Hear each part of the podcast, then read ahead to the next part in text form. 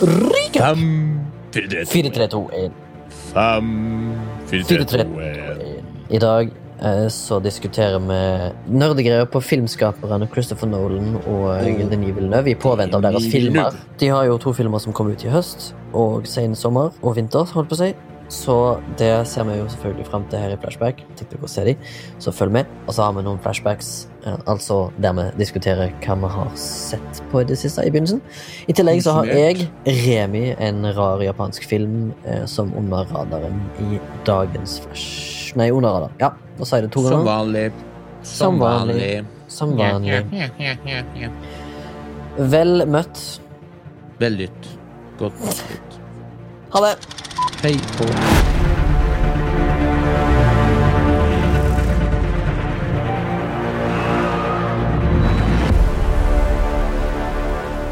Fem, fire, tre, to, én. Fem Don't hypnotize me. Faen, jeg er skikkelig ah, Jeg er skikkelig gåen. Hvorfor å gå? Nei, Jeg skulle eh, Jeg kommer så sent i seng denne uka, her, og så opp på jobb, og så er det liksom tungt på jobb, og så er det så varmt. Ja, det er det. Du jobber inne, eller jobber du ute nå? Nei, Jeg jobber inne på studio på Jar, eller på verkstedet der, Ah, med det her ja. julekalenderserien. Uh, spennende. Da har du sikkert ikke lov til å si så mye. Ja, bare påstår at jeg er ute, at eh, de har fått De ligger på NFI, så går det an å prate om det. Iallfall om at han er i produksjon. Mm. Spennende. Ja, det er gøy. Du vet, du vet vel mer senere når du er ferdig med konstruksjonene? Går jeg ut ifra? Mm. All right. Velkommen til Flashback, en uh, podkast om eh, film og sånt. Eh, jeg tar over directors chairen til Baba i dag, fordi han lille gutten er og sover. Så da må de voksne danse rundt eh, bordet. Danse med musene. Eh, jeg heter Remi. Jeg er 34 år, fra Haugesund, bor i Oslo. Jeg jobber i Bø. Morten 39 Fra Nord- Nord-Norge. Bor og jobber i Oslo. Nei, ja, Jobber med filmfrians. Ja, Gjør vi ikke det? det ble veldig Trøtt, mye eh, Ja, litt trøtt sjøl. Jobba tolv timer i dag. Eh, Skal eh, gå og legge meg rett etter denne podkasten etter jeg har spist litt. Skal på jobb igjen klokka sju. Og for du som lytter på, så er denne podkasten spilt inn klokka ni om kvelden sirkus. Det er kvelden før filmarbeidet her, faktisk. Mm. Sitter jeg i Bø, da, fortsatt. eh, På et kristent Ja. ungdomssenter. Hva går der borte? Er det noe korona? Nei, det er lite. Eller det er altså ikke i crew, men eh, i kommunen så har det kanskje sånn fire tilfeller eller noe sånt. Eller kanskje det er bare en eller annen kommune. Men mm. det har så langt ikke vært noen smitta i denne kommunen, da. Noe som jeg synes er litt rart, i og med at Bø i sommerland er her. Men jeg håper jo at folk passer på både unger og voksne. Har den vært oppe, den? da? Sommerland? Ja, den åpna jo i juli. Så den har vært åpen i en måned, tror jeg. Okay. Men det er ikke så interessant. Men det, for det som er interessant, er at vi i dag skal snakke om eh, Christopher Nolan og Denis Villeneuve. Litt grann. To aktuelle regissører og deres virke. Så har eh, Morten fått litt stødd study Han har fått gitt litt lekser og studere litt eh, Villeneuve, mens jeg har kikket litt på Nolan, om hva som gjør at de stikker seg ut som eh, regissører. Så det blir litt sånn Litt sånn nerdete episode for oss to. Kan du tenke Ja. Vi var jo inne på å diskutere sjanger, og jeg syns egentlig det blir nesten både sjanger, spesielt da science fiction jeg har øyet øye med, holdt på å si, og de der to guttene der er liksom eh, det, det går liksom i lag, da. Det er liksom Men det kommer jeg tilbake til eh, etter hvert. eh, For jeg så et sånn timeslangt intervju nå i forbindelse med en filmfestival i eh, et asiatisk land. Jeg, jeg husker ikke det, men eh, det var jævlig interessant, faktisk. Så, eh, for at han er, både Nolan og han uh, Villeneuve er jo litt sånn De er litt sånn mediesky karer. De holder lik Ja. best å jobbe. Sjelden de har noe sånn dyptgående intervju, akkurat. Mm. Men det her intervjuet jeg forteller, det var faktisk en time langt. Og der han liksom, du så at han, han en av ser han der, Jeg skal ta meg tid til å svare litt ordentlig nå, for at jeg bruker vanligvis å være litt kort. Så jeg syns det var litt uh, gøy. Ja, det Shanghai ja. International Filmfestival. Der har vi det. Wow. Var det i forbindelse med en tidligere film, eller var det i forbindelse med Dune? Nei, det kan ikke være Dune. Det er i forbindelse med Dune. Er det det? Det er liksom eh, det hun eh, intervjueren liksom starta ut med, på grunn av at han òg er uh, påvirka av korona. Dessverre. Men jeg Ja. skal komme tilbake til det.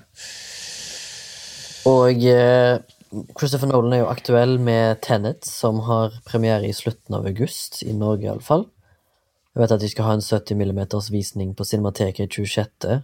august, som første dag. Og så er det jo i tillegg IMAX på Odeon, som hadde sikkert vært jævlig interessant å ha fått med seg. Men Tipper er vel det- at uh, Flashback-gutta skal ta seg en tur, tenker jeg. Ja. Skal ikke se bort ifra det. er, det- er det Kommer den, eller Den har ikke fått noen utsettelse, den?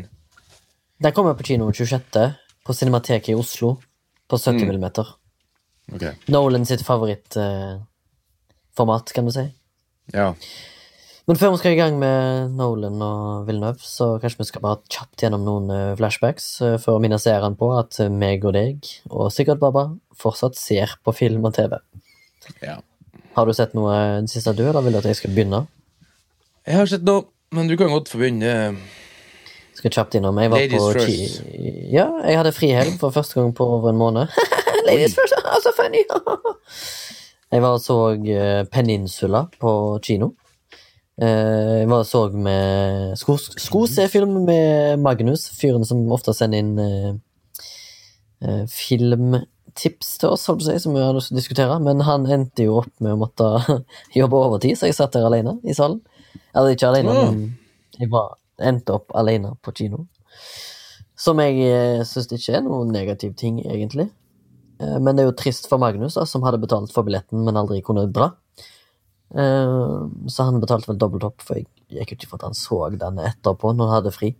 Men uansett, det er jo da en eh, sørkoreansk film som er på en måte en sånn spirituell oppfølger til Ja. Train to Busan.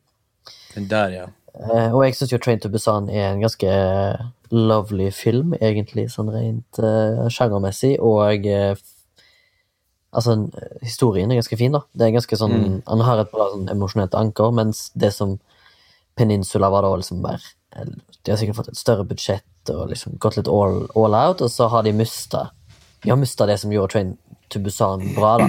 Men eh, de har fått til en bra zombie-actionfilm, men ja. den har ikke den samme edgen og den samme tilspissa emosjonelle ankeret som den første hadde. Nei, jeg har hørt noe Men, ikke noe. men eh, det var ikke noe mangel på sentimentalitet, da. Det skal du faen meg ha. Det ble litt sånn kleint til tider, og litt sånn overdådig. Men eh, løp og se hvis du har lyst til å se en sånn type film. Jeg fikk masse sånn Mad Max-vibes av han i tillegg. Jeg likte veldig godt detaljene og tingene som er, liksom er i filmen, sånn rent fysisk. Syns jeg var veldig kult. Mm. Alt var veldig bra laga. Til og med bilkjøringen. Altså, det er sjeldent Jeg tror ikke de har sånn superstore budsjetter i Sør-Korea i forhold til liksom Hollywood og sånn, men denne filmen her virker som han eh, var lagd med mye kjærlighet, da, men uh, mangla litt grann på story og, og liksom karakterer som du faktisk kan relatere til, da. Det var mitt. Ja, skal vi se hvem det er mye han har i budsjett der. Det må stå sikkert inne på INDB, gjør det ikke det? Jo, pleier å stå som estimat, iallfall. Eh, det står iallfall at han hadde Box Open Office eh, 100 og Hæ? Han bare 118 000 opening week. Men worldwide gross 28 millioner. Mm. Jesus. Mulig at den eh, kanskje blir uh, releasa i verden i sånne seksjoner. At den ikke er ferdig ennå, liksom. Nei. Eh, ofte så kommer det jo litt i rykk og napp. altså, Spesielt med tanke på en, en film som ikke er fra USA. Mm. For de er ikke så glad i å se ting eh, tekster der borte. De vil jo lage remakes automatisk. Ja, men allikevel så gjorde eh, Parasite det jævlig bra, bare på renommé alene. Ja. Det er en tid for alt. Ja, jeg har sett um, Først så vi noe jævlig bra. Så jeg fikk anbefalt det fra min sjef, Tord, snekkersjef. En film, en dokumentar, faktisk. Det er ikke så ofte jeg ser Wow. dokumentar, men jeg, jeg liker formatet, men grunn blir det ikke så ofte at jeg ser det. Som heter for The Salt of the Earth. Som var en skikkelig var en tung, sterk dokumentar om en fyr som heter Sebastiao Saldago. Som er en eh, Jeg tør jeg påstå at en av verdens beste fotografer. eh, for når du ser bildene der i, så ser du at du har sett dem før. Garantert. Han har, altså, han har reist rundt hele livet i verden, og han er fra Brasil. Reist rundt hele verden og tatt bilder av eh, i første karrieren det verste tenkelige menneskelige Både krig og sult og katastrofe og alt mulig greier. Eh, På oppdraget fra kjerringa. Det var kjerringa som liksom fant på sånn greier. Så laget de, Han som Han begynte vel som Han gikk økonomiskole, for det var faren min på, det var lurt. ikke sant? Ja, klart det. Så ble han salgssjef for kaffe. Han flytta til Paris på et tidspunkt. For hun, kjæresten da, De har vært sammen siden hun var 17. Siden de var 17, og de er i dag fortsatt. Um, han er jo godt på øra nå, da. Mm. Så skulle hun studere arkitektur, og så kjøpte hun et kamera, og så tok han det med seg, og så var det liksom rest history. da Ja, okay. og så kom han tilbake igjen til Brasil, da, der til gården, så faren liksom Han var jo sikkert gått bort, og dessverre var det på seg. Og da var liksom alle skogene der var borte, og elvene var borte. Så begynte fant jo kjerringa på at nå skal vi lage et prosjekt, nå skal vi plante tre her. Og bare lage en skog, tenkte han liksom bare på kødd. ikke sant? Og så etter da 30 år så har han faen meg planta en hel skog. altså. Han har planta to millioner Yes. tre ganger. Wow. Og nå har han liksom de har lært seg hvordan de skulle få regnskog til å vokse. For det er ikke bare å plante en type tre. Du måtte liksom plante hva var det han sa, 20-30 stykker. liksom, Forskjellige sorter. Forskjellige sorter, ja. Mm. For at det skulle bli et, et sjølbærende økosystem. kan du si. Og de har liksom nå begynt å spre det her kunnskapen rundt. Så det var liksom, det var veldig fint på slutten. Og nå resten rundt og tok bilder av liksom de fine tingene i verden. da. For Han mister også liksom trua på menneskeheten. Jeg ser òg for at periodevis så kjenner jeg sjøl at jeg eh, ja, det vet vi alle. Men uh, har vi ikke alle litt problemer med menneskeheten da, iblant, uh, Morten? Jo Og så Du så jeg etterpå, da Når støvet av seg, en dansk TV-serie, det, var ikke- det var jo noe sånn terrorgreier, så uff, datt ned i kjelleren. Det var liksom Litt kjedelig, ikke? Ja, jeg så to episoder. Det var liksom, alt var så dramatisk at jeg, jeg, jeg, jeg, begynte, jeg begynte faktisk å vanne blomstene på et tidspunkt. altså, jeg ser at det er bra, altså, men det blir så, alt blir så grisesvart. Altså. Det, jeg, jeg at i hvert fall ikke det var noe for meg nå. Nei. Men jeg, jeg, kan, jeg kan skjønne at det er bra. Jeg ser jo at det er ganske godt skrevet, og skuespillerne gjør det bra, men uh... Hvor har du sett disse to underverkene? Saldago så jeg på NRK nett-TV. Der ligger Ah, den gratis.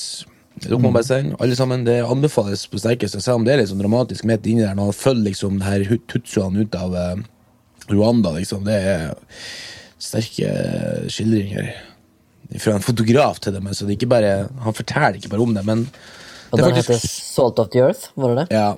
Det er sånn eh, Sønnen hans faktisk som eh, lager den dokumentaren. For han kjente jo ikke faren så godt, han heller, på grunn av det at eh, Han var jo borte hele barndommen, ute og reiste og tok bilder. ikke sant? Han var jo Ja, ja.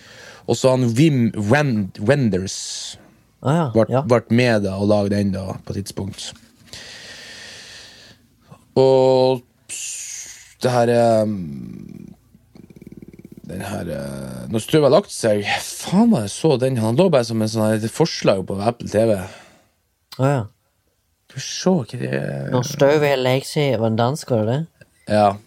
Og så har faktisk hun eh, Hun norske, hun eh, Iram Hakki, har regissert tre episoder, forstår jeg. Så det Ja. var norsk-svensk samarbeid, sto det i starten. Så When the dust det. settles, ja. Mm. Cool. Uh, ja, Cool. Du har vel uh, Jeg vet ikke om du har Har du en Mortens folkeopplysning i dag, eller, Morten? Jeg har, en liten sånn, jeg har et lite tips til uh, folk som er på søken etter noe alternativt, sånn som jeg meg sjøl. Bare Et alternativ hva sa du? Et alternativ til folk som liksom um, er sånn som liker å studere ting som ikke er trivielt. Ok. Snurr. Bra. Lights, action! Mortens folkeopplysning! Uh, og det er altså å si to ord om er, Hvis folk har lyst til å teste sjekke ut noe greier, så er det the megalithic era. Har du hørt om det? Aldri hørt om. Teach me, master. Megalithic era. Altså megal, mega, megalittenes tidsalder. Og det er liksom Jeg satt her en dag uh, Madammen fikk jo sjokk for at hun trodde jeg skulle bare se en liten film på YouTube, men så er det en syv timers lang foredrag fra en gammel sånn her fyr da som har liksom reist hele verden rundt og forska på det her. da For det ligger jo selvfølgelig masse sånne her ufo-folk og tull ute. ikke sant For det her handler jo om pyramidene, og det handler om Peru, og det handler om Bolivia, det handler om Godebli Teppe, som er liksom en plass utenfor Tyrkia de akkurat har funnet. Uh, for det finnes så mange sånne gamle sites i verden der det er superpresise murer og byggverk. Vet du ikke om du har sett det? Sånn Jo, jeg har sett det der uh, Go Beckley Teppi.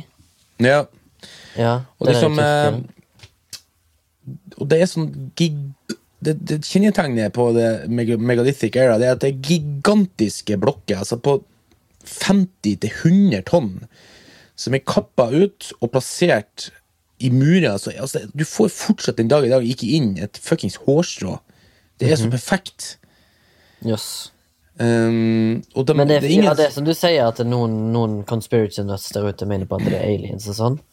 Men, Jo, eh, men, men, men det, de mer jordnære forskerne da, som har forska på det her, og faktisk har kommet fram med te- teorier, mener jo det at det har det som, det, det som er mest tydelig, det er at det har funtes um, sivilisasjoner før oss som har vært ja.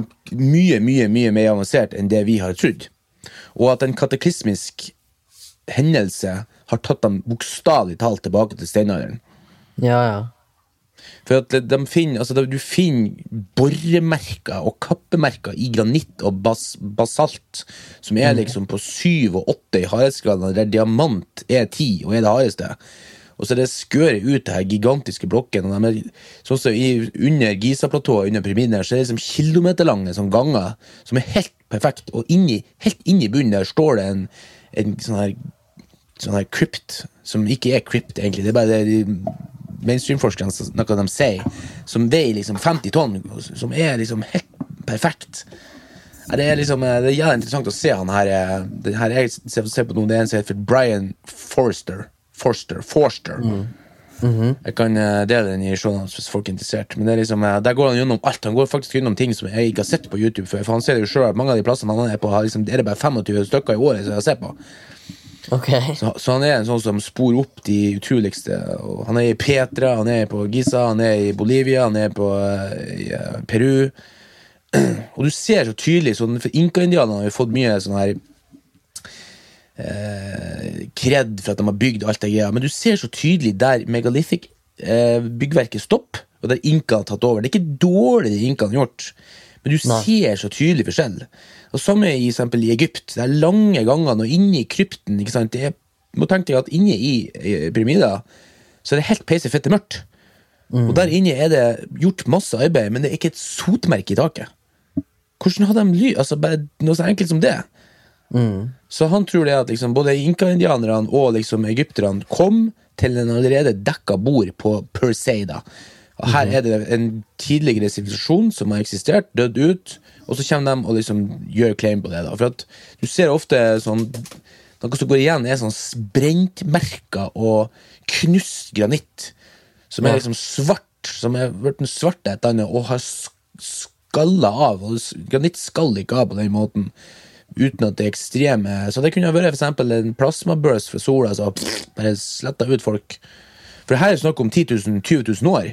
Og på 10, 20, 20, altså, hvis de hadde hatt biler da, så hadde ikke det kommet så syntes i dag. På grunn av at alt blir borte. sant? Til og med glass blir borte etter en million år ikke sant? eh, i flaska. Fire, altså, 700 år i havet, så blir flaska borte. Ja, det er jo uh, litt fascinerende akkurat de greiene der, fordi jeg husker òg uh, når jeg var veldig ung, så ble jeg fascinert av en Jeg vet ikke om det var en fakta eller en skrøne, men uh, noen sa til meg at uh, når de har begynt å grave opp sånne inkaplasser, så har de funnet sånne veldig avanserte konstruksjoner, og blant annet det som de kalte for en rullebane. Ja, men det er det her eh, Det her lines, det her um, Ley lines. Nei, det er sånn linje Å, hva faen han het Aztec Lines, eller noe sånt. her. Ja, men det er fascinerende. Skal du, du må linke til det i shownotes, for jeg har lyst til å undersøke litt av det der. Jeg er veldig fascinert av egyptiske krypter og sånn, og hvordan det ble konstruert. For det, det du sa der, er jo veldig interessant. da. Ja, og så er det en annen ting som er litt sånn gøy, at inni The Valley of the Death, der de fant alle mumiene, ikke sant Der var det mye cruder, altså det var mye enklere eh, grav, altså tombs.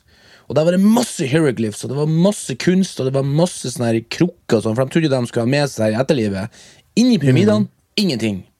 Ikke en hieroglyff, ikke tegning, ikke kunst, ingenting. Altså, de står basically tom. Så eh, jeg tror ikke det. Og så er det liksom På granitten så er det liksom sånn her erosjon.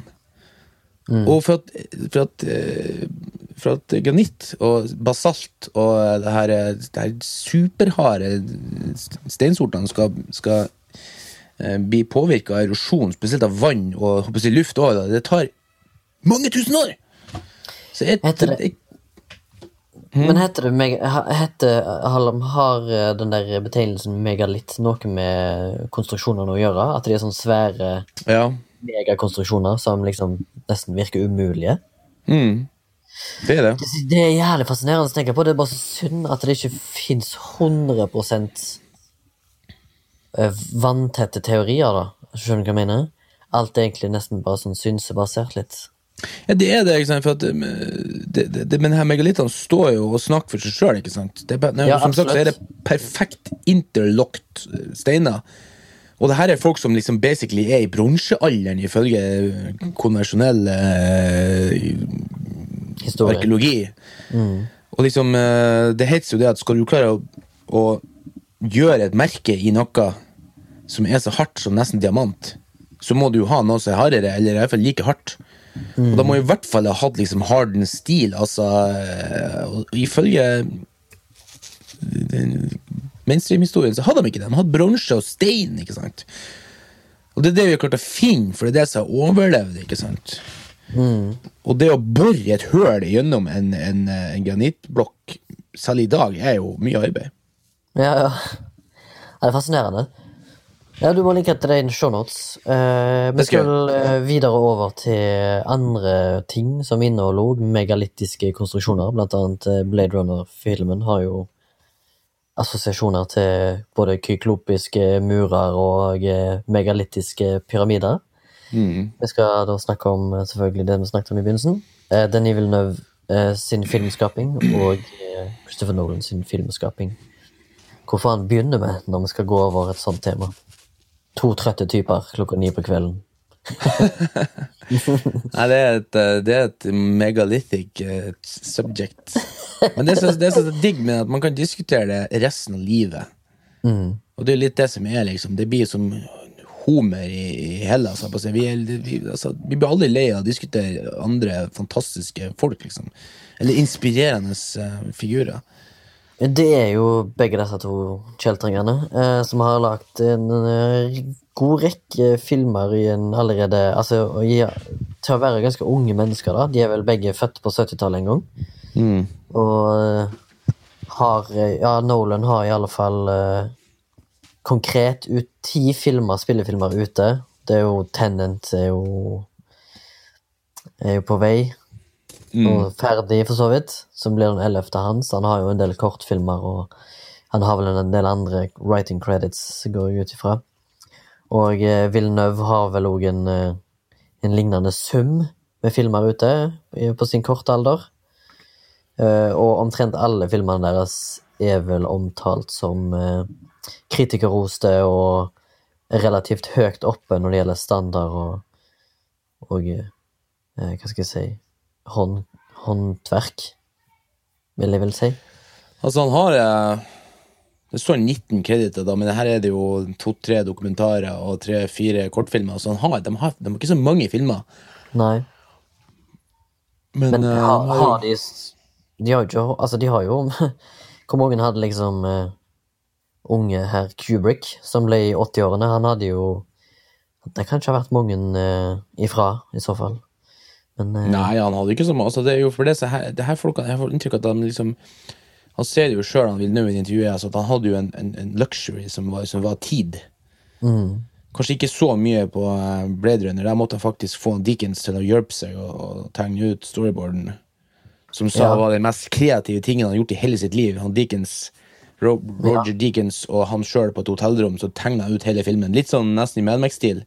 Mm. Og storyboard-artisten, da, og så en som heter for Matt, men han sa aldri ikke det var for noen. Ja, det, jeg har så et bitte lite snippet av Roger Deakins, som da er cinematografen slash altså kameramannen til Denis Villeneuve i enkelte av hans filmer, har sagt at eh, eh, hans, Roger Deakins sa sjøl at Denis Villeneuve lager sånne filmer som inspirerte Roger Deakins til å lage film når han var ung. Ja. Så, basic, så basically, Roger Deakins sier, som er han, han er vel i 70-årene eller 60-årene nå, sier at han eh, eh, Denis Villeneuve, unge Denis Villeneuve gjør at Roger Deakins kan leve ut drømmen sin. Og det synes jeg er jævlig fint sagt, eh, med tanke på hva de to klarer å skape sammen. Du har Sicario, du har eh, Dune Eh, Ja, han er med på Dune, er han ikke det? Nei. Og, nei, nei det er, han er ikke Han er med på Arrival, Sicario og Blade Runner. Ja, det er det, ja. Og det er jo to eh, filmer som stikker seg sykt mye ut på cinematografi. Mm. Eh, spesielt oss. Eh, I alle fall skal jeg sjøl si at eh, personlig pref preferanse er Sicario sin, sin cinematografi av de tre. Eh, nå vet ikke jeg hva du mener om det, men eh, jeg syns iallfall at den stikker seg jævlig ut. Med tanke på bruk av lys og bruk av andre teknikker. Ja, for han ser det jo sjøl, eh, Villeneuve, at eh, å jobbe med han Dickens Han måtte han først svelge liksom fan i seg, da. Og liksom begrave han, for at han sa det var nesten flaut å jobbe, for han var så fan av han, og han var sånn fanboy. Ja. Men han sa det var, det var som å være på filmskole hver dag i lag med Dickens, for hver innstilling Og en innstilling betyr jo på filmspråket da hvert bilde var på en måte filmskolen i miniatyr. For han var så proff til spik- fingersprikkene. Og ikke bare han var mester i lys og bilde, som, vi har, eh, liksom, som er det mye av dramaturgien vi er bygd opp på, men også historiefortelling, da. Altså at han, han, Det er ingenting i bildet som er tilfeldig, påstår han, han, han. Og det gjør han på Han prater veldig mye om eh, hva han sa, sensibility, altså følelsesmessig. Han tror han sa sensibility 70 ganger i intervjuet. I he had the same sensibility, and he has a very good sensibility. Sensibility. Han er sånn han er, så- han er følelsesfyr. Han snakker jo sjøl om det at eh, det viktigste i film, det er poesi. Ja. Altså det, det det han jobber for, det er å få fram poesien i hvert bilde. Liksom, og når du går hjem, liksom, og hvis noen sier Sicario, så kommer det opp et bilde automatisk i hodet. Og det er liksom noe som noe som fester seg dypt inni deg, ikke sant? Og, og på en måte stakk med deg. Som er liksom på en måte poesien, da. ja. Og, og det syns jeg synes. Det, det, det, det er liksom det skulle samtale forskjellen på Eller på autære regissører og vanlige og hermetegn vanlige regissører, da, spekk-regissører, det er det at det her autærene de har sånn her De har et eller annet som, som på en måte skiller seg ut, da. Ja, absolutt. Og hvis du skal nevne noe som skiller seg ut i filmene til Denis Villeneuve, så vil jeg jo si det at han, han liker historier med helt blanke karakterer som ikke vet noen ting, men de søker et svar. Det går igjen i nesten alle hans filmer. Du ser det på hun, hun eh, Amy eh, Nei, hva heter hun? Emily Blunt i Sicario. Hun kommer inn i en verden hun ikke forstår, Mm. og hun må liksom oppsøke den verden. Du har, eh, du har K, Agent K i Blade Runner. Han, han vil gjerne finne ut sin egen familierelasjon, eller hva det nå er. Han er på en måte også inne i en verden han ikke fatter helt. Mm. Som er sånn, som han, liksom, han, han digger den måten å få karakterer til å søke på ting på. da Søke etter ting på.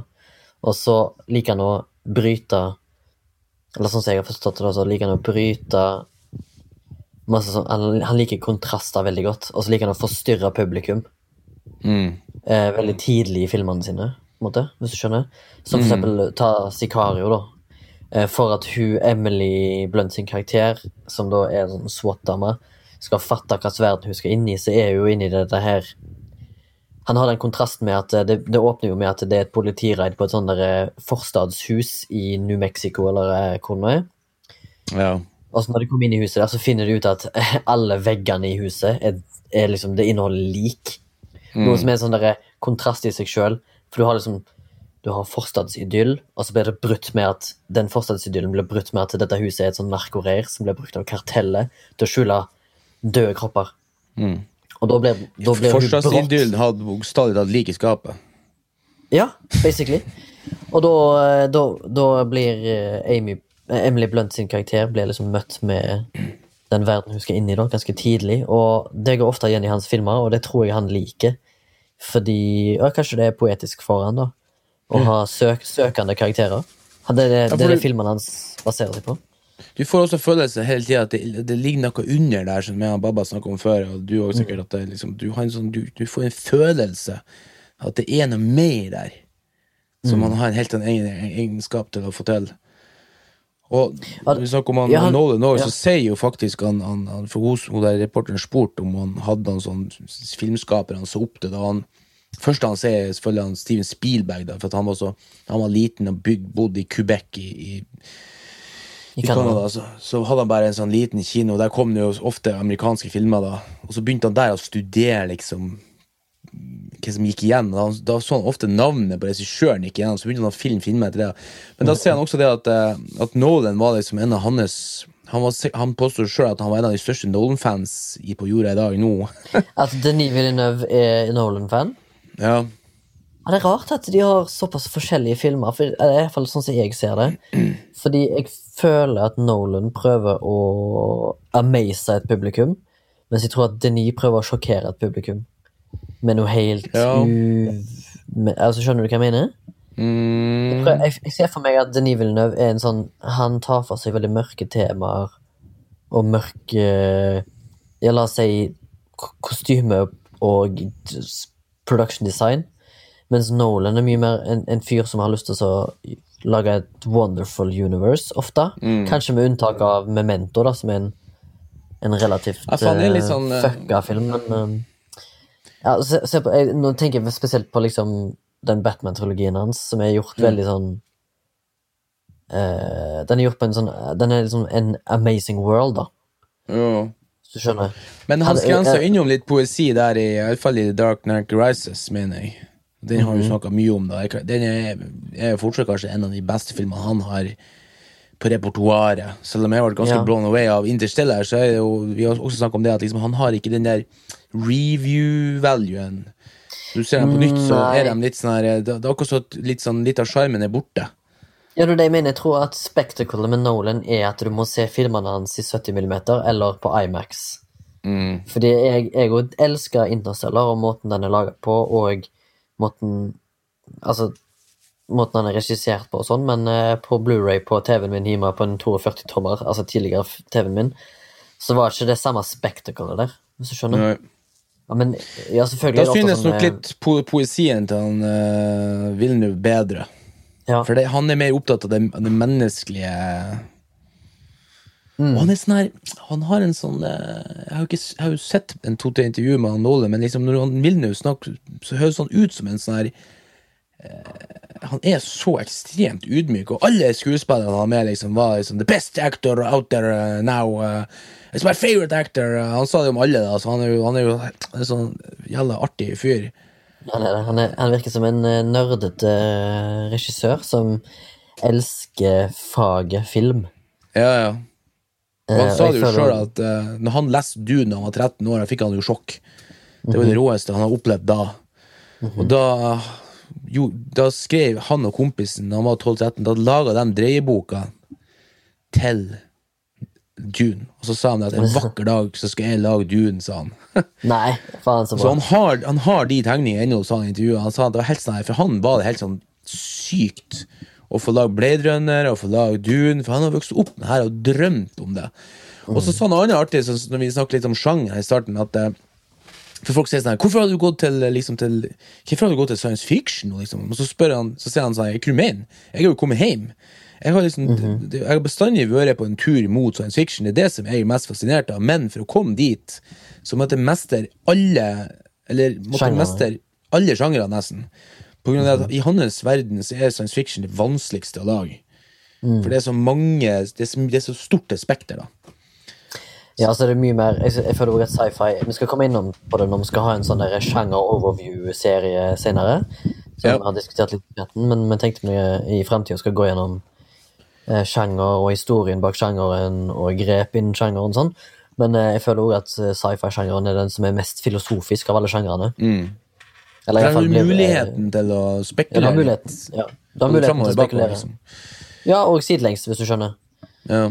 Ja, ja, ja. i, I andre dimensjoner. Flere dimensjoner enn én. World War Z og alt sånt der, liksom. Det er jo på en måte i nåtid, men det er jo på en måte Et, et nytt univers, ja. Der andre ting eksisterer. Andre regler.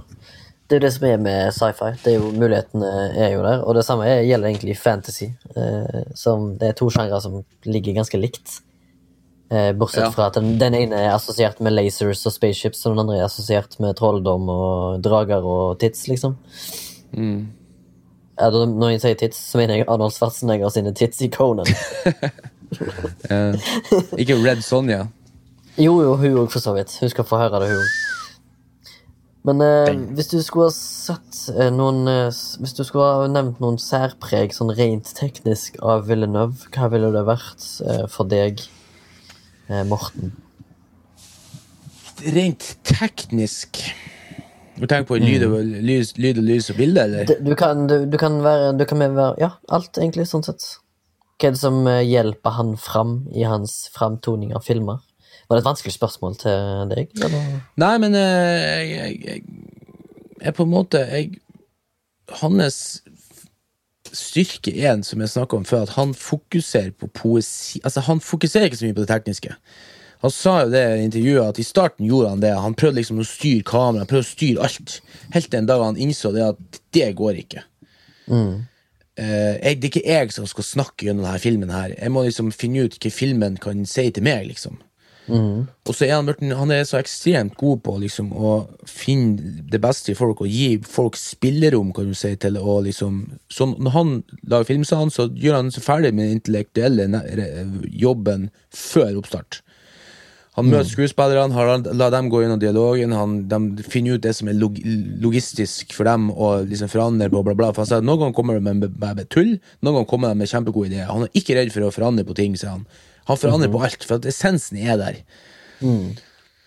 Og så når han går på opptak, da, så er alt det intellektuelle ferdig. Da fokuserer han kun på følelser. Ja. Og på poesien og, og det emosjonelle i scenen. han. Så da er han ferdig med, og da, blir, da forandres det lite, kan du si. Så da, da, da, da er han bare, og da er han om jeg gir skuespillerne rom til å liksom jobbe, kan du si. Og jeg tror det er derfor han får fram så gode prestasjoner i skuespillerne. Og liksom, Ja. du, du, du, du, du, du, nesten, eller du tror nesten på alle karakterene, eller du gjør det i hans filmer. Det, og det er ikke sånn som Nolan, som vi har diskutert, at, liksom han, at hans Du hører på en måte dialogen til han Christopher Nolan framført av, han, eh, av skuespillerne, liksom. At det blir mer Ja. som monolog framfor eh, dialog, hvis du skjønner. Ja, og av og til så kan du høre òg at uh, han gir eh, skuespillere Eller nå tar jeg kanskje litt feil, men eh, eh, Nolan sitt, sine dialoger og utspill via karakterer er ofte litt sånn teatralske, hvis du skjønner hva jeg mener. Ja. nå, skal jeg, nå skal ikke jeg dømpe på Nolan, men jeg syns jo for eksempel at eh, Christian Bale sin performance i Prestige er jævlig bra, men han er òg veldig teatralsk. Men, det er jo fordi at men jeg tror fordi at formspråket er og settingen er jo på en måte et litt sånn teater. Det er, filmen handler jo om tryllekunstnere og, og showmanship, da. Så jeg tror Jo, kanskje det har noe å si der. Men jeg, jeg føler også samtidig at de kunne hatt et mer jordnært språk. Og jeg tror kanskje det ville ha løfta filmen. I og med at nå, nå kritiserer jeg en egen favoritt her. For jeg syns at Prestige er den Nolan-filmen som har mest replay value. Bare basert på at filmen er så jævla lun, da. Og en jævlig godt fortalt historie. Og Nolan har jo dette her Han er jo veldig twist-basert, og han liker ikke-linjær Eller sånn non-linear storytelling og narrativ. Altså, Memento er jo et uh, åpenbart uh, som stikker seg ut her, og så i tillegg så har han vel Inception er jo litt sånn Inception Ja, Inception blir i overkant Det er faktisk eh, Den skal jeg faktisk sette nesten nederst på lista mi av Å? hans filmer.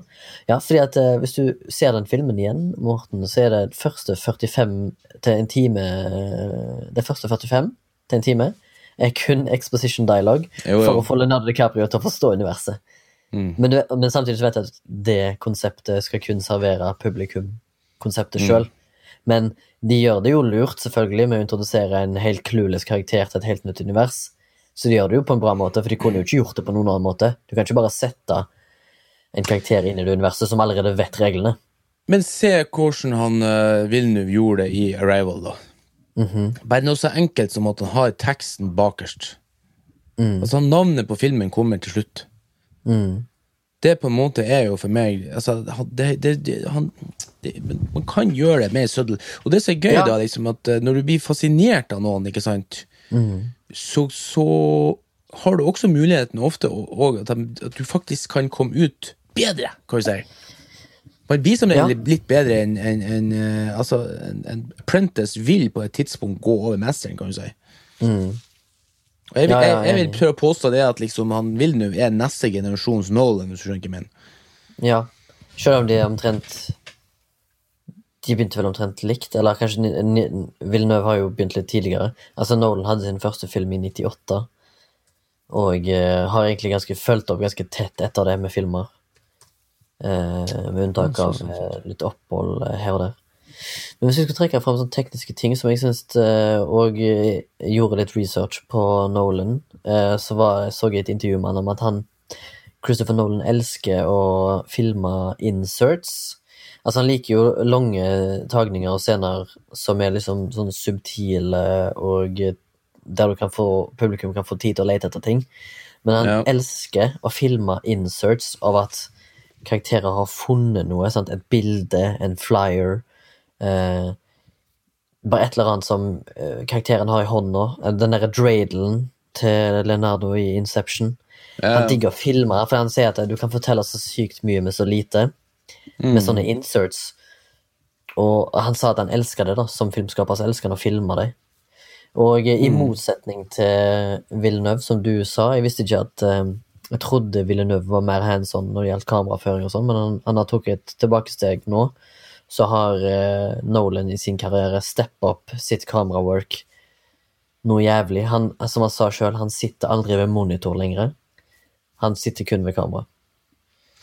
Ja, men da får du litt sånn da, da, jeg, jeg tror ikke det er nødvendigvis positivt. For da blir det litt nei, sånn som som han, eh, han Ridley. Scott òg.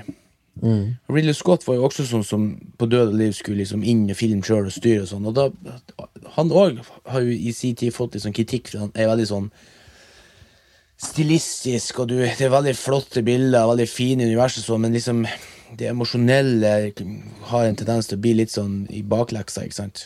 Mm. Ja, altså, han, han nå fokusere mest på skuespilleren og, og, og prøve å visualisere hva han trenger i de forskjellige scenene, kan du si.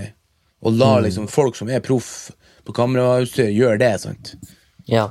Om han er med, han ser jo selv at jeg er jo med og avgjør og diskuterer og sånn, og det var jo sånn han sånn han Håper jeg ble jo en De ble jo bestevenner, han og han, han, han um, Dickens til slutt, etter den, Mm. etter den første filmen, da. Ja, ja. Hm.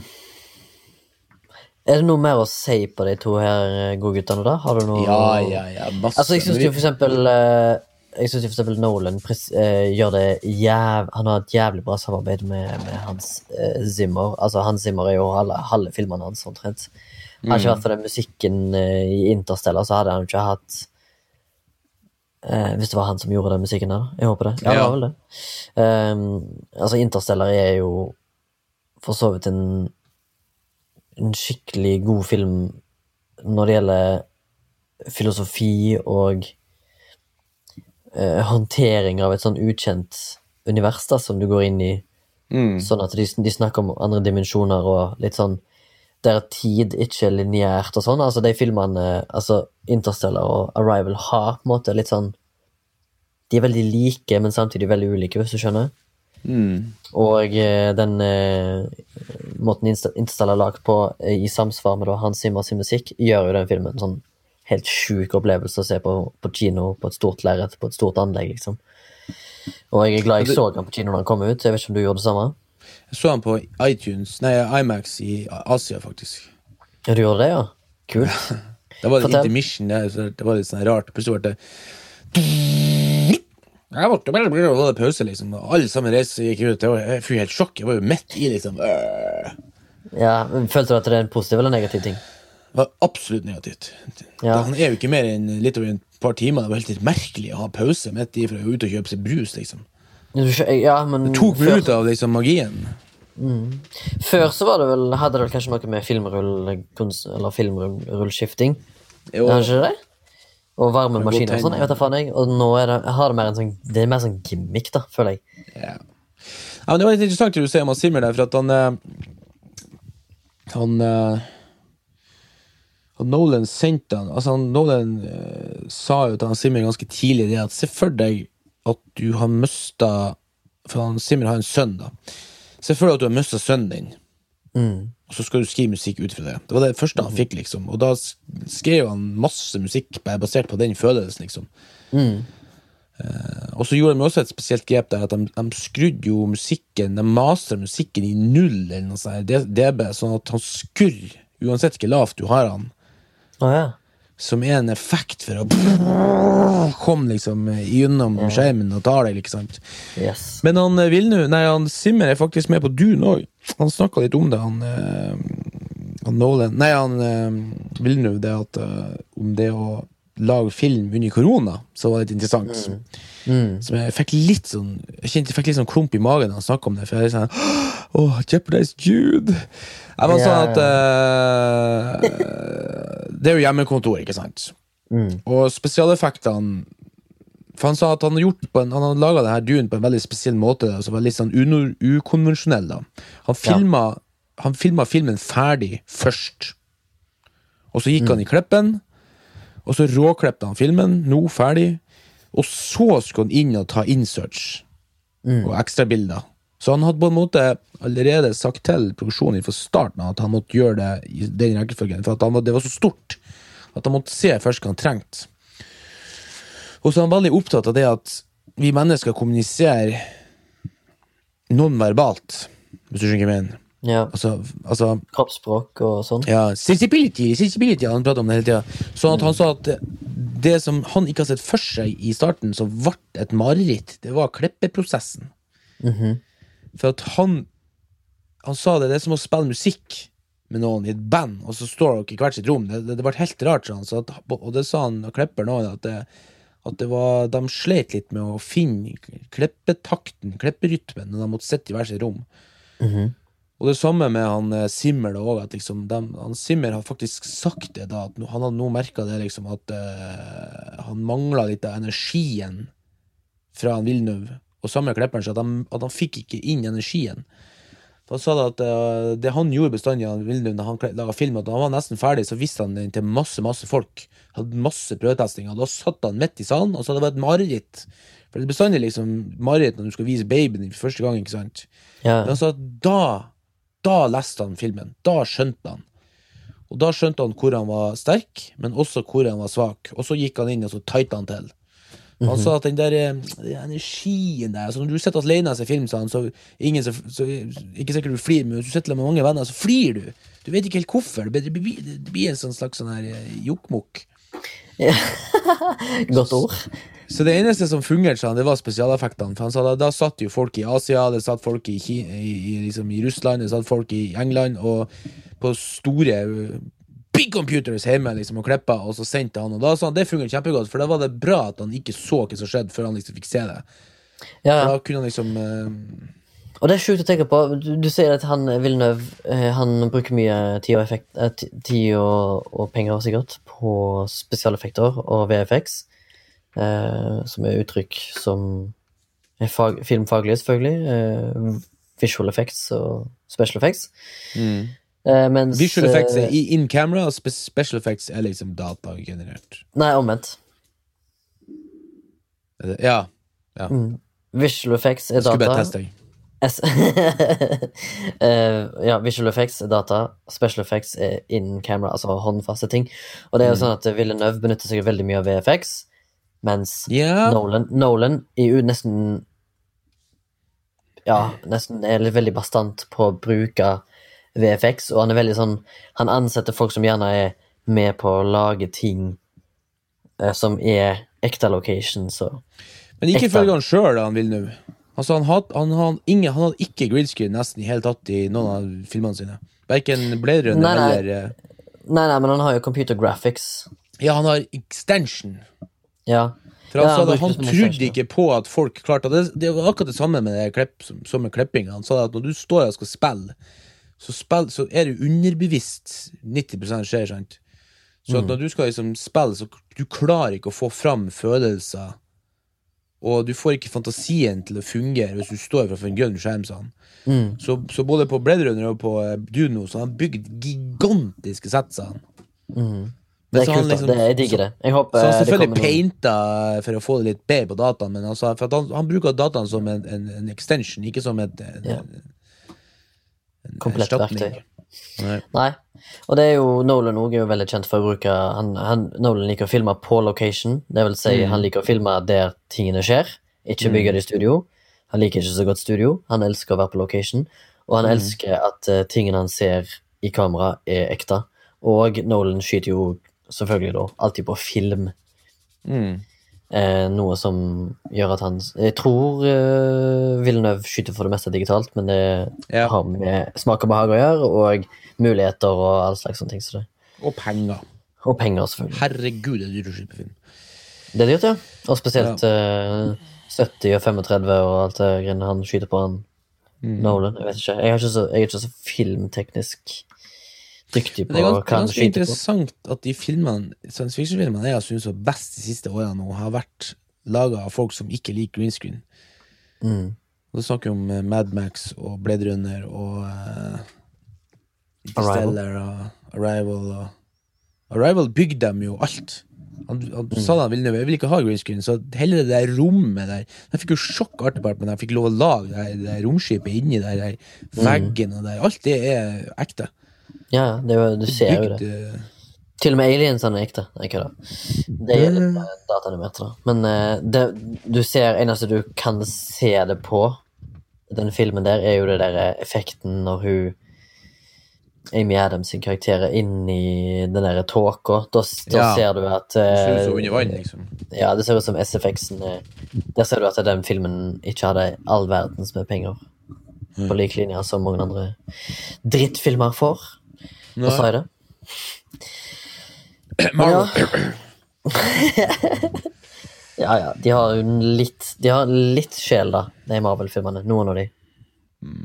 Men ikke så mye som Denis Villeneuve og Christopher Nolan sine, muligens. Nei. Og flere andre filmskapere.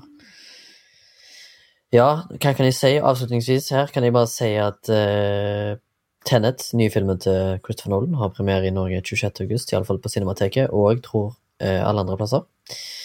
Uh, Dune har planlagt premiere i Norge i, uh, den 25. desember 2020. Eh, Den ble har jo utsatt eh, ganske lenge pga. koronaen, så jeg tror det litt sånn i, henger litt i lufta. Ja, den henger kanskje litt i lufta. Vi kan jo si sånn at vi kommer, til, vi kommer nok sterkt tilbake til Det blir nok sikkert en, en lang episode per film. en gang i Og så kan jeg jo eh, meddele at begge filmene har hatt spilt inn scener i Norge. Både Dune og Tenets. Dune! Dune har vært i Norge, ja. Hvor var jeg? Du var eh, Det vet jeg ikke. Men eh, det var i april en gang. Eller kanskje det var ikke i april. Fett Da jeg, eh, By the way, til avslutning så fikk jeg et tips her fra en eh, lytter. jaha! Har vi lyttere? Jon, Jon tegneseriefigur. Ja, som har tegneserier. Mm. Ja, vi har en, tydeligvis. Eller vi har to, da, med han eh, Ja. Magnus. Magnus og Jon. Som eh, sa at vi måtte Vi har flere, vi har flere. vi har flere Horse Girl på Netflix. Ja, Horse Girl har jeg hørt mye om. Den har jeg også sa tipsa. eh, vi måtte ikke se måtte, Vi måtte ikke se på kritikken, for at jeg tror ikke han har så veldig bra kritikk. Men han sa vi som er sånn opptatt av sånn her uh, weird og litt sånn her uh, poetisk og sånn. Vi måtte se den og se hva vi syns. Du, Morten, nå sier jeg det på lufta nå, for da legger jeg større press på deg. Vi ser den sammen, da. Meg, deg og Baba. Og så snakker vi om den. Ja. Nå er du tilbake i, på Mo, holdt på å si. Jeg er tilbake i eh, det som kalles for Mo eh, neste uke. Altså egentlig ikke, men jeg er, denne podkasten kom ut på torsdag. Jeg er da hjemme igjen på fredag. Ah. Chill pill. Da må vi prøve å se Mhm. Pill. Vi får se den, og så får vi snakke om den. Det hadde vært jævlig koselig. Jeg har òg hørt mye om den, og jeg har fått akkurat samme beskjed. Det var ikke Jon som sa det til meg, det var noen andre. Hold deg unna kritikerne. Se filmen uten å ha lest noe om den. Ja, for jeg har spurt meg om jeg har sett den, for det er lenge siden han sa altså, Nei, jeg skal ta det på lufta i dag, så, så blir det gjort. Mhm. Nei, men det, det høres ut som en date. Kult. Dude-date. Dude date. Uh, Jeg tror han bare var størst TV. Vi ferdig hit. Jeg har kjøpt ny TV. 55 tommer OLED. Get out of here! Nei, Det ble nei, det, da. Ja, det ble til meg. Det ble til meg, og så og så er vi Både meg og deg på en måte bor nærmere hverandre enn vi gjør til Baba. Så Mm. den motherfuckeren der får bare ta seg, dra seg inn til byen. Hindringer på Eh, hans side. Det blir som i trafikken. Nå må du stoppe. Ja, ja, ja. Den størstes rett, sier jeg òg, i trafikken? Eh, det er kanskje i Haugesund. Har du en eh, under radaren, du, eller skal jeg ta en? Jeg, jeg har en, jeg. Jeg har en klar. Ja, ok, kjør på. Eh, Den under radaren jeg har lyst til å dra fram nå, er en film fra 2001 eh, som er japansk, og som heter ta, eh, Ichi the Killer. Ichi the Killer. Eh, det er en eh, crime uh, Yakuza-rar film, kan du si. Handlingen er litt ekstrem. Det er jo selvfølgelig da Jeg tror den er basert på en manga.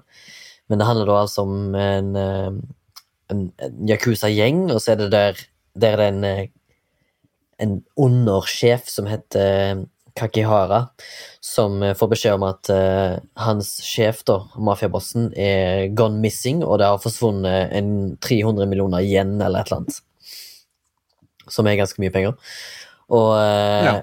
i søken etter hva som har skjedd med sjefen, så havner han jo selvfølgelig da i klammeri med andre Yakuza-gjenger. I tillegg så er denne her Kakihara-karakteren som du følger, en uh, sadomasochist. Så han liker smerte på seg sjøl, og han liker å utføre smerte på andre. Og eh, på sin søken etter sin egen sjef, så eh, støter han borti en eh, psykopatisk drapsmann eh, som da heter Itchy. Som eh, da er den titulære karakteren, Itchy the Killer. Eh, og han Itchy han er en veldig funky karakter, fordi han er en sånn derre sexfiksert galning som elsker vold. Men han er veldig sånn eh, eh, Jeg har ikke et godt, norsk, godt ord for regressive, men jeg tenker det er kanskje sånn tilbakeholden. Han er veldig eh, sjenert og tilbakeholden. Og det gjelder Det er en veldig Ja, en super weird, voldelig actionfilm fra Japan, eh, regissert av Takashi Miike. Men eh, det som er gøy med han, er å se hva som skjer mellom den sadomasochistiske Yakuza-undersjefen eh, som møter da en torturert sjel i Ichi, som har selvfølgelig da veldig rare seksuelle preferanser og er ultravoldelig i sin, sin jobb, da. Eh, så det er en veldig sær film for spesielt interesserte, men eh, jeg syns den er jævlig, jævlig kul. Eh, anbefales på det sterkeste for de som liker sånt. Det høres veldig weird ut. Så ikke The Killer. Ja, ja, ja det, det må bare bli sånn. Men den er veldig gøy. Er veldig kul. Superfengende. Er til morsomt til tider, men òg selvfølgelig da ganske violent. Men eh, hvis du ikke vet hvem Takashi Mike er, og forventer at du skal få noe rosenrødt og butterflies, så tar du feil, fordi Takashi Mike lager bare rart psykopat-shit. Det var Jeg sier du. Det var under radaren for denne gang. Denne, denne podkasten er produsert av uh, Soundtank, og Sondre har eh, vært eh, squadcast eh, leader på denne her uh, out of office eh, ed editionen, som det nå kanskje snart blir slutt på, i og med at uh, Baba er vel straks ute av karantene igjen, og jeg vender tilbake til storbyens mas og kjas. Eh, hvis du ønsker å støtte oss med litt donasjon og litt sånn, så at denne dugnaden Flashback kan fortsette å dure og gå på, på de internetske serverne, så kan du stikke innom Vips, og så kan du velge og vrake i hvor mye du ønsker å gi, hvis du ønsker å gi. Eh, vi setter pris på at du hører på uansett, og del gjerne med en venn som liker film og TV og sånt. Gi gjerne oddetall. Eh. Odde-tall. Gi gjerne oddetall. Hva det enn betyr. Du kan også Altså, sende en mail eh, til 33,3. Jeg vet ikke om du kan gi øre på Vips, men prøv gjerne hvis du ønsker. Eh, vi tar gjerne imot tips om temaer og, og ting som vi kan snakke om. Eh, Det er flere som har gjort allerede. Send oss gjerne en mail på flashback at soundtank.no, eller ta kontakt med oss på Facebook. Eller ta kontakt med oss på Instagram DMs på Flashback Podcast eh, der. Jeg vil gjerne takke Morten for at du stilte opp i dag, og jeg vil takke meg sjøl for at jeg stilte opp i dag, og jeg vil gjerne takke Baba for at han tenkte på å stille opp, men han kunne ikke. En time. Nå er vi ferdig. Det var bra. Eh, kan hende det ikke blir en time for lytterne, for kanskje vi klipper vekk Kanskje Sondre klipper vekk noe dødfett. Noe daukjøtt. nei. ai, ai. Da må han legge inn noe annet fett. Han må jo legge inn noen eh, Hva heter det? Det heter jingles. Jingles. Jingles. Jingle, jingle. Ja, da, og da kan, folk, da kan folk se hvor lang tid jinglen er. Nei, pff, Ja, fuck it, fuck it. Nå er det 1 time og 30 sekunder. Men eh, takk for følget. Eh, håper du har hatt en god opplevelse. Nå begynner jeg bare å hale ut tida her. Ja. Nå er du trøtt. nå er jeg trøtt. Nå skal jeg gå og legge meg. Eh, takk for at du hørte på. Takk for oss. Ha det godt. Hei.